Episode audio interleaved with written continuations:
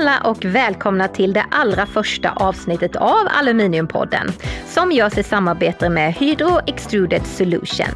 Jag heter Ulrika och med mig här i studion har jag min fantastiska kollega Rut. Hur är bara läget idag? Det är toppen! Underbart att höra! Är du laddad här inför dagens aktivitet? Ja, jag har verkligen längtat. Jag också. Hörde du, kan inte du ta och berätta lite grann om din anknytning till aluminium? Jag vet ju faktiskt att du har hela 18 års erfarenhet utav den här branschen. Det gör jag gärna. Det har varit en spännande resa under alla de här åren. Man hittar ju nya produktområden hela tiden känns det som för materialet. Och det har dessutom blivit ett större intresse känns det som eftersom det är mycket fokus på hållbarhet just nu. Och där kvalar ju verkligen aluminium in eftersom man kan återvinna och återanvända materialet om och om igen utan att det förlorar sina egenskaper. Absolut!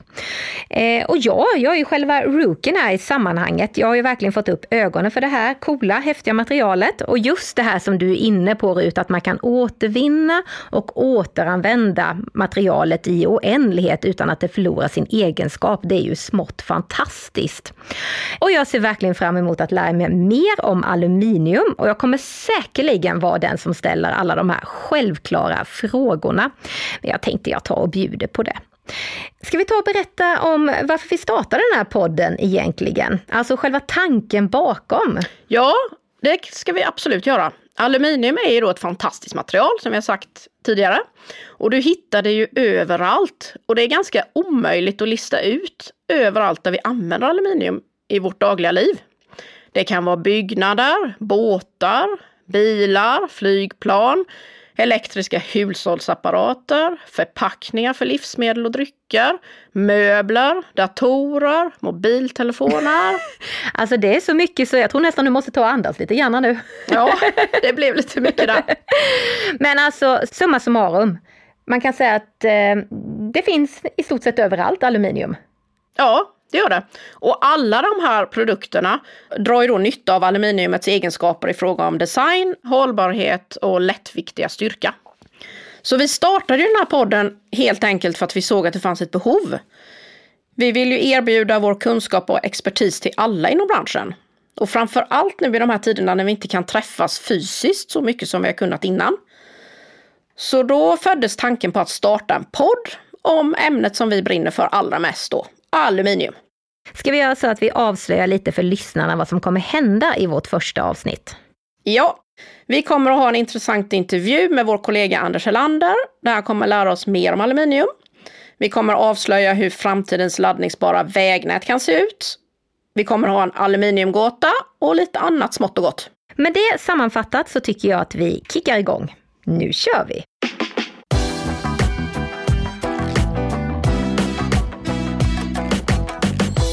Hej och varmt välkommen till Aluminiumpodden Anders. Vi är otroligt glada att du ville vara med oss här idag.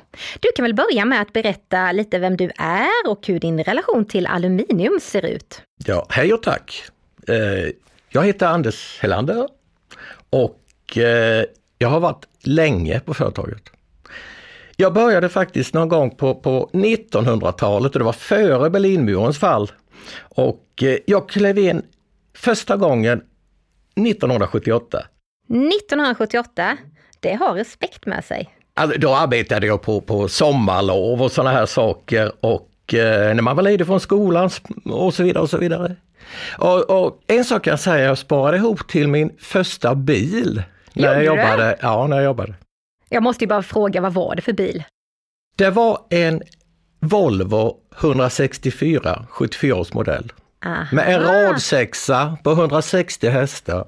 Det var, det var Volvos det var lyxbilsklassen av Volvo på den tiden. Wow. Det, var, det var faktiskt en jättefin bil. Den gled du runt med i Vetlanda då? Ja, och jag kan säga det att den, den lever fortfarande. Den finns med i registret, yes. Häftigt! Ja, det är lite kul. Ja.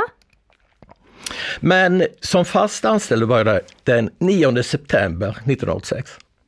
Och då började jag på, det hette ju på den tiden då Sapa Front och eh, nu är det ju Hydro Building System.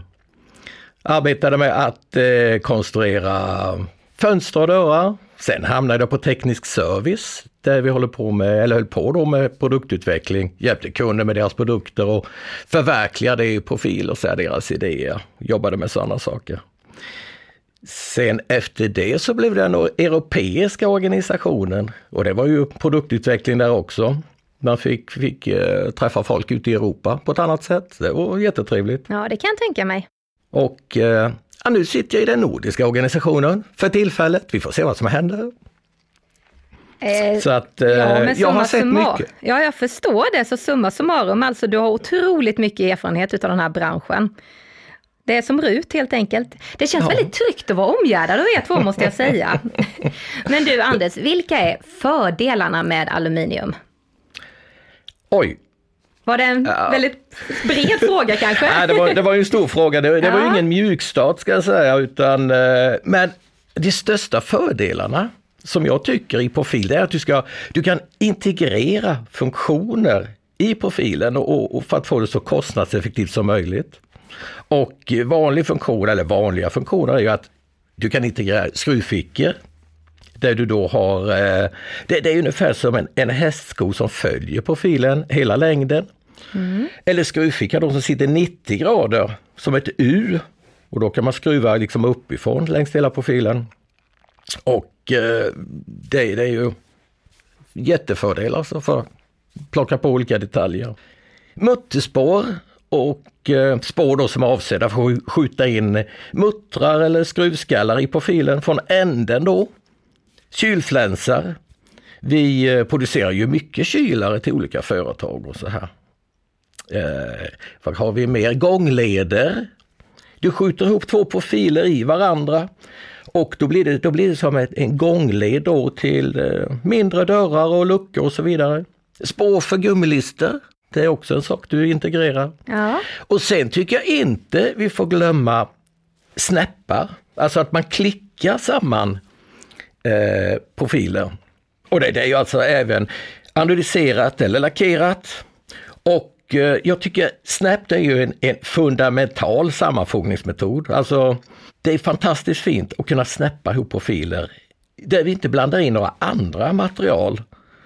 Mm -hmm. Och eh, mhm. ja, det, det, jag har faktiskt med mig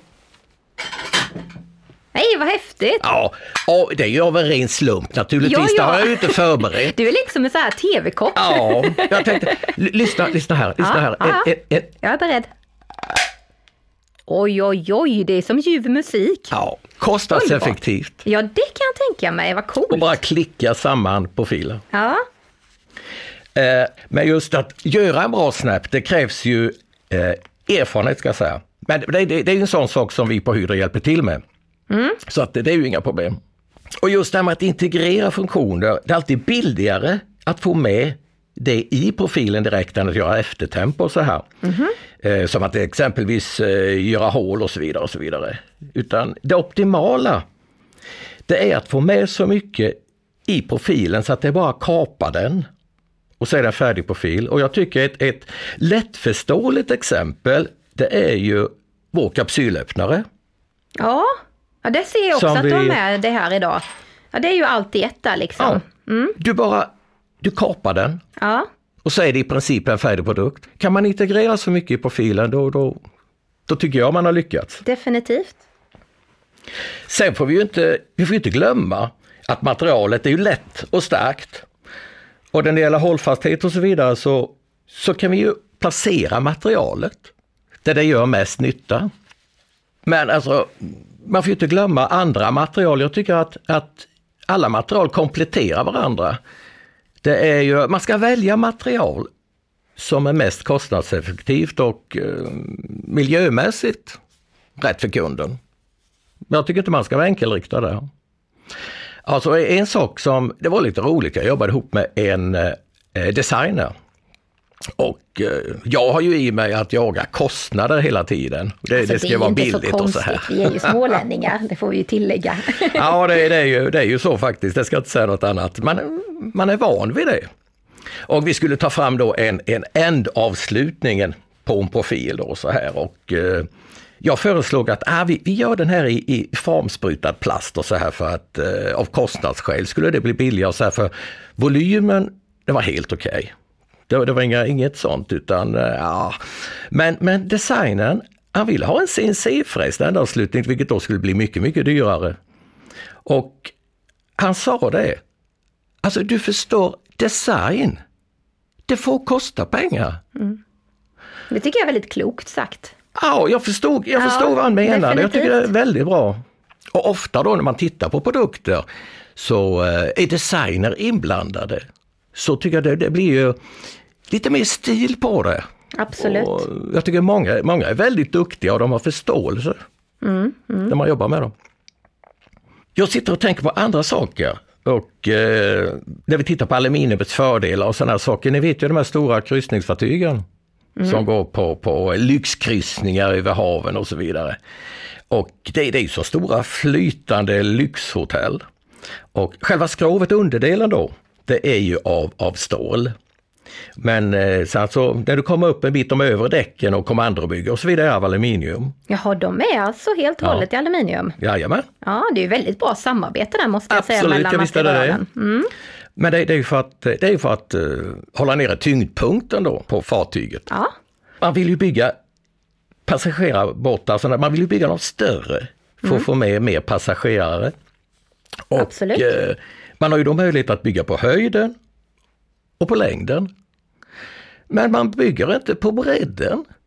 Varför gör man inte det tror ni? Varför? Ja, varför gör man inte det? Ja, varför gör man inte det? Vad säger du Rut? Nej, jag vet faktiskt inte det heller. Ja, men det här måste vi ju kunna. Ja. Eller ska vi skylla att det är för tidigt på morgonen helt enkelt? Ja, ja vi, har, vi har inte riktigt vaknat ännu. Nej, vi får nog ta och lämna över ordet till dig igen Anders. Ja, jag tycker svaret är lite kul faktiskt. Det är de måste kunna gå igenom Panamakanalen. Ja, det är klart! Mm. Det blir ju liksom som en måttstock där vid. Ja. Och den är ju inte så himla bred ju. Nej, du måste kunna gå igenom. Ja, definitivt, annars ja. blir det väldigt lång ja, alltså alternativet är ju att, att runda då Sydamerika, du ska runda Kap Horn. Ja. Och jag menar med, med häftiga stormar och dimma och allt som, som ni vet eh, är där nere. Mm. Och det, det passar inte in på lyxkryssning kan jag säga, det är ingen som vill åka runt där. Nej, definitivt inte. Så att de måste igenom kanalen. Ja. Anders, du nämnde hållfasthet. Vill du utveckla den lite? Oj, Ja, hur ska jag förklara det bäst? Eh, det är faktiskt det är ett stort område, men jag kan försöka skrapa lite på ena kanten så här. Mm, spännande! Och eh, alltså hållfasthet det är ett mått på hur stor påkänning eller last material tål innan det går sönder. Eller det kan också vara att det inte återgår till sin ursprungliga form. Och eh, alla har säkert träffat på att du, vi säger du har en, en stång, vi säger av aluminium eller stål eller så här och försöker forma den. Och, och du tar i då och eh, materialet återfjädrar. Och sen tar du i lite till och då stannar materialet. Mm. Då har du gått över gränsen för vad materialet tål. Och olika material är olika starkt och har olika hållfasthetsegenskaper. Om vi tittar på egenskaper och vi kan jämföra då aluminium med stål, så har aluminium en elasticitetsmodul på 70 000 megapascal och stålet har 210 000 megapascal. Elasticitetsmodulen det är alltså en, en eh, materialkonstant, alltså ett mått på styvheten på ett material. Och som jag sa, olika material har olika egenskaper. Men om vi tar ett exempel som jag hoppas kan vara lättförståeligt är att du har en, eh, vi säger att du har en vanlig i-balk. Och den här balken, du har samma form på den här i-balken i aluminium som i stål. Så belastar du den här balken med samma last, då böjer aluminiumbalken ner tre gånger mer än stålbalken. Alltså stålmaterialet är, det är tre gånger styvare än aluminiummaterialet. Tittar du då elasticitetsmodulen som vi sa, 70 000 megapascal i aluminium, 210 000 megapascal i stål. 70 000 i 210 000 går tre gånger. Alltså Stålet är tre gånger styvare.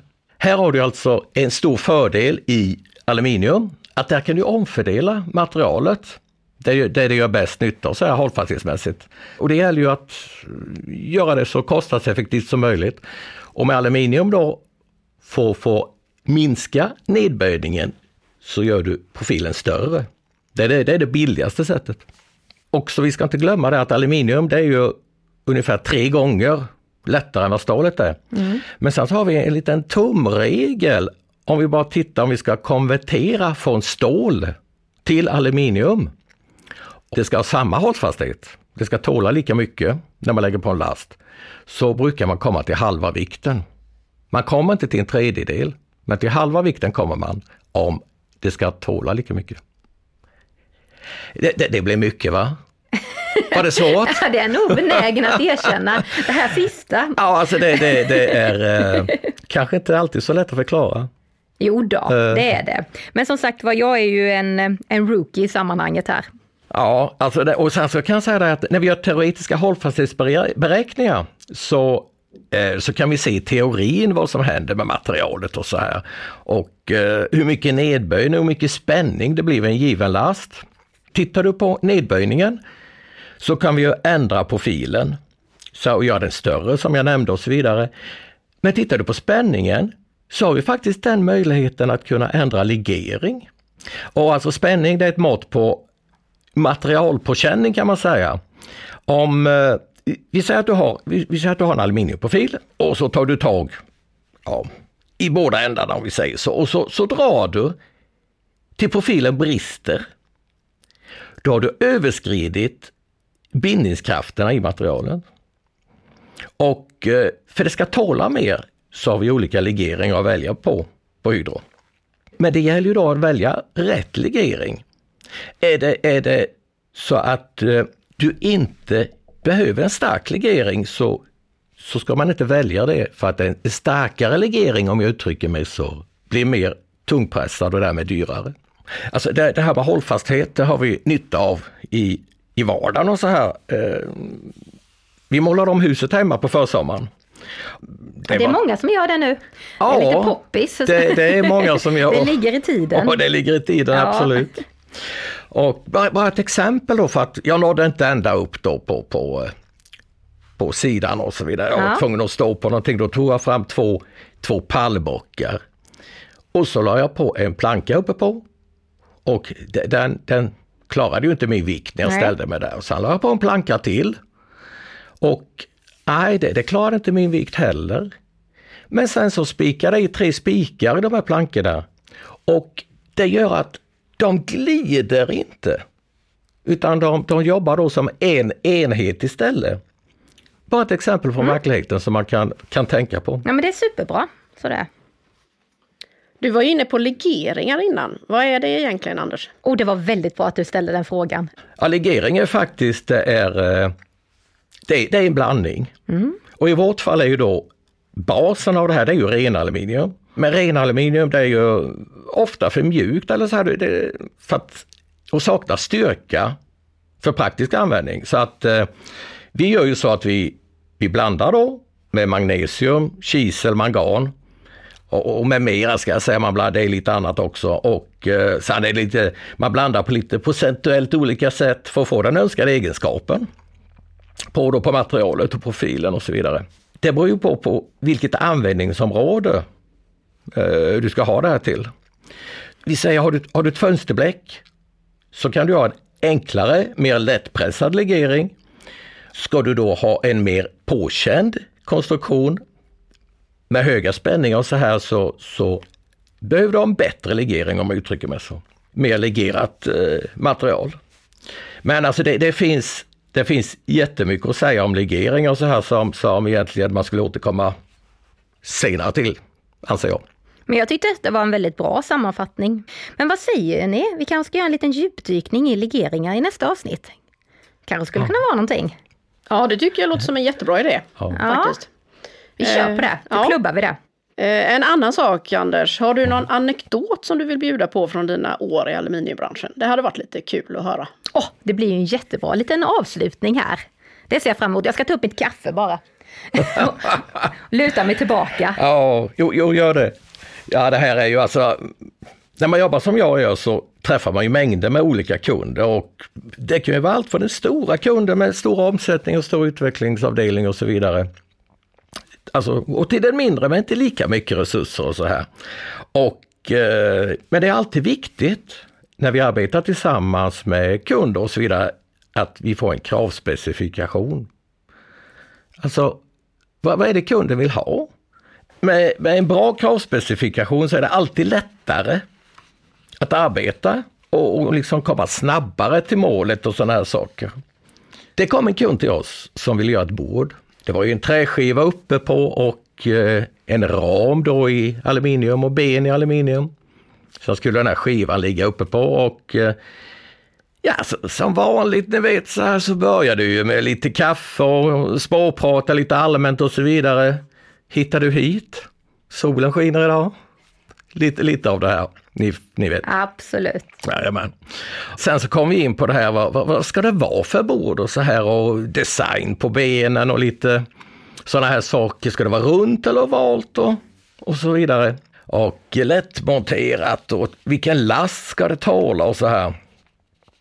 Och vi, eh, ja vi kände det, det var många frågor på en gång och så här, kunde skruva det lite på sig och så vidare. Men en sak kan han klart för sig att, att det ska tåla en finsk fackföreningsfest.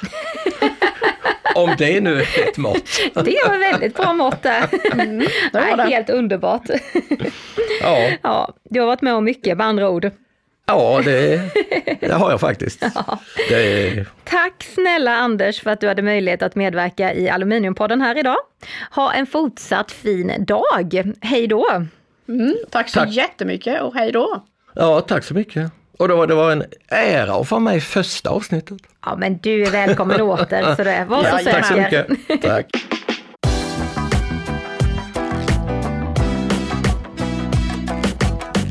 Mycket intressant information Anders delade med sig utav, eller vad säger du? Absolut, jag tyckte det var väldigt pedagogiskt och eh, lärorikt och eh, ja, även spännande. Och på tal om just designavdelningen där Anders jobbar, det är ju faktiskt de som ligger bakom det här så kallade hydrovisiret. Ja, just det. Ja, Mm. ska vi Och- berätta lite grann mer om det? Ja, det ska vi göra. Hydrovisiret var ju en idé som Per Andrén fick, en kollega till Anders. Han såg ett behov i samhället efter just visir för att skydda vårdpersonalen från att smittas av covid-19. Så Per och hans kollegor bestämde sig för att ta saken i egna händer och skapade en modell av ett visir som kunde 3D-printas. Sammanlagt skänktes 100 stycken hydrovisir till vården i Vetlanda och en del av dessa producerades till och med hemma hos Per. Verkligen, vilka eldsjälar! Beundransvärt. Ja, verkligen. Eh, men vi har ju mer nyheter i branschen. Ska vi ta och avslöja något mer? Har du något branschnytt att bjuda på? Ja, vi har ju ett mycket spännande projekt tillsammans med Elon Road. Elon Road är ett uppstartsföretag i Lund som har tagit fram en elektrisk laddande skena där du laddar bilen medan du kör eller står parkerad. Det här är verkligen superintressant. Kan du inte utveckla lite grann till? Jo, vid körning så ansluts en strömavtagare under fordonet till den elektriska skenan via glidkontakter. Den elektrifierade vägen är endast aktiv när fordonet passerar. Ja, det är ju tur bra. det. Ja, det är. Definitivt. Eh, Hydro har då hjälpt till med den strängpressade aluminiumprofilen som kan innehålla elektronik och skenan som ligger på vägen. En sån aluminiumprofil kräver noggrann bearbetning för att elektronik, kablage och ledningsprofiler ska kunna monteras i själva profilen innan skenan som hanterar laddningen monteras på vägen. Alltså det där kan inte varit gjort i en handvändning. Det känns som väldigt komplext. Mm. Mm, definitivt. När kickade ni igång det här projektet egentligen tillsammans med Elon Road? Ja, alltså 2018 startade projektet med Hydro. Men Elon Road började ju tidigare än så förstås. Ja, det kan jag tänka mig. Mm. Eh, I juni i år så la man 500 meter väg med en testskena som Trafikverket ska testa i Lund. Eh, Och den elektrifierade vägen kan då leverera upp till 300 kilowatt laddning med 97 procents effektivitet under körning. Förutom då att driva fordonet framåt så ger ju detta tillräckligt med laddning för att varje körd kilometer ska ge tre extra kilometer i räckvidd. Det är ju superbra. Visste du att aluminium är det tredje vanligaste grundämnet i jordskorpan efter syre och kisel? Det finns med andra ord mer aluminium än järn i världen och med dagens aluminiumkonsumtion kommer våra tillgångar att räcka i flera generationer. Aluminiumproduktion börjar med råvaran bauxit, en lerliknande jordtyp som bryts från några meter under marken. Våra bauxitgruvor ligger i den brasilianska delstaten Pará. Det tredje vanligaste grundämnet alltså. Ja, där ser man. Ja, så är det. Oh, nu är det äntligen dags för aluminiumgåtan. Kan inte du berätta lite grann vad, vad det är för någonting? Absolut, det gör jag med nöje. Jag har längtat efter det här. Ja, det har du va? ja, definitivt. Mm. Jag är i tävlingsmood nu. Ja, då kör vi. Varje avsnitt kommer vi att läsa upp en gåta om något aluminiumrelaterat. Det kan vara en specifik produkt eller en egenskap. När man tror att man vet svaret på frågan så går man in på vår Facebook-sida Norsk Hydro och skriver sitt svar i kommentarerna till inlägget Aluminiumgåtan avsnitt 1. Och vi kommer förstås att dra en vinnare som kontaktas och får ett fint pris på posten. Det är inte bara äran alltså som står på spel, utan även ett fint pris. Jajamän! Mm. Jaha, alla ni där ute, nu är det hög tid att spetsa öronen. Över till dig Rut, take it away! Produkten vi söker idag är nog den produkt som inbringar flest överklaganden per år, samtidigt som den räddar liv, närmare sagt 15 till 20 liv varje år. Hydro levererar delar till produkten som är väldigt närvarande i våra dagliga liv. Nu blir det tyst. Det är inte så ofta jag blir tyst. Alltså jag tyckte det var väldigt knivigt måste jag säga. Mm, tycker du? Ja. En liten ledtråd kanske sådär? Mm, men bara för att det är första gången då. Okej? Okay? Du ser den ganska ofta när du kör bil. Aha! Nu är jag med. Nu är jag med. Nu klarnade det. Tack. Jag tackar för detta. Hörni, allihopa letar in på vår Facebook-sida nu, alltså Norsk Hydro. Alltså det går fort när man har roligt.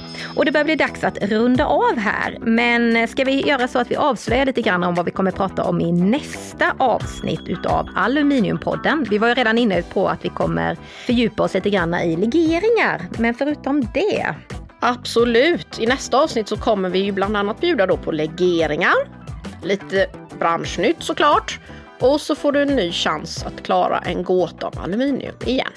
Och jag får ligga lite hårdträning här nu under sommaren då. Det är bra att det är lite sommaruppehåll. Väldigt spännande, det ser jag verkligen fram emot. Men först då så ska vi som sagt ta och njuta utav en härlig sommar. Har du några planer eller? Jepp, jag kommer befinna mig på västkusten och njuta av den svenska sommaren. Härligt, det gör du verkligen helt rätt i. Det låter ljuvligt. Och med det sagt är det nu hög tid att önska alla våra lyssnare där ute en riktigt härlig sommar. Med önskan om sol, bad och mängder av glass. Tack alla ni som har lyssnat och trevlig sommar så hörs vi igen efter semestern. hej! hej!